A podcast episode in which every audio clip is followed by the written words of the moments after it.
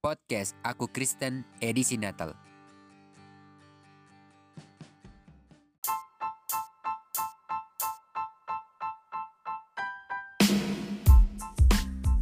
Pemimpin yang handal atau hebat biasanya lahir dari keluarga-keluarga yang berada atau dalam tanda kutip orang kaya.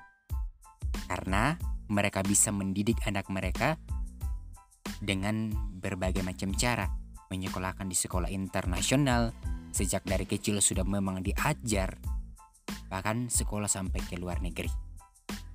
Nah, tapi firman Tuhan hari ini yang kita bahas bahwa seorang pemimpin yang lahir dari suatu kota yang sangat kecil, tapi bisa memimpin seluruh dunia hari ini. Siapakah dia? Mari kita baca Mika pasal 5 ayat 1. Tetapi engkau, eh Bethlehem Efrata, yang terkecil di antara kaum-kaum Yehuda, daripadamu akan bangkit bagiku seorang yang akan memerintah Israel, yang permulanya sudah sejak purbakala, sejak dahulu kala. Bahwa sebentar lagi kita umat Kristiani merayakan Natal. Natal itu disimboliskan dengan kelahiran seorang Mesias bagi kita untuk menghapuskan segala dosa-dosa kita. Dia lahir di Bethlehem, di kota Yerusalem. Bethlehem merupakan kota yang sangat kecil di Yerusalem pada saat itu, tapi bisa melahirkan seorang pemimpin yang sangat hebat, dan tidak ada seorang pun yang bisa mengalahkan dia. Bahkan mampu menghapuskan dosa-dosa kita. Itu pemimpin yang hebat.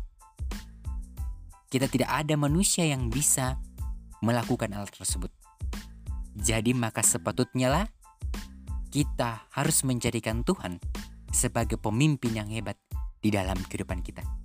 Jadi jangan pernah melihat asalnya orang untuk bisa memilih suatu pemimpin. Tapi pemimpin itu Tuhan telah tentukan di dalam dunia. Tuhan tidak pernah pilih engkau orang kaya, engkau orang miskin. Tuhan bisa memilih pemimpin yang hebat.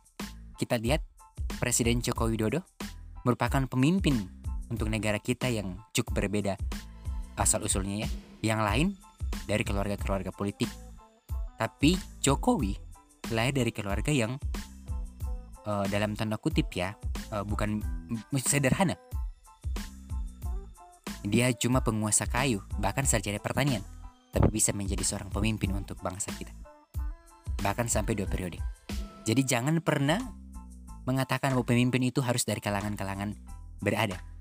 Eh, firman Tuhan hari ini mengatakan kepada kita bahwa di mana pun asal kita, kita berhak menjadi pemimpin.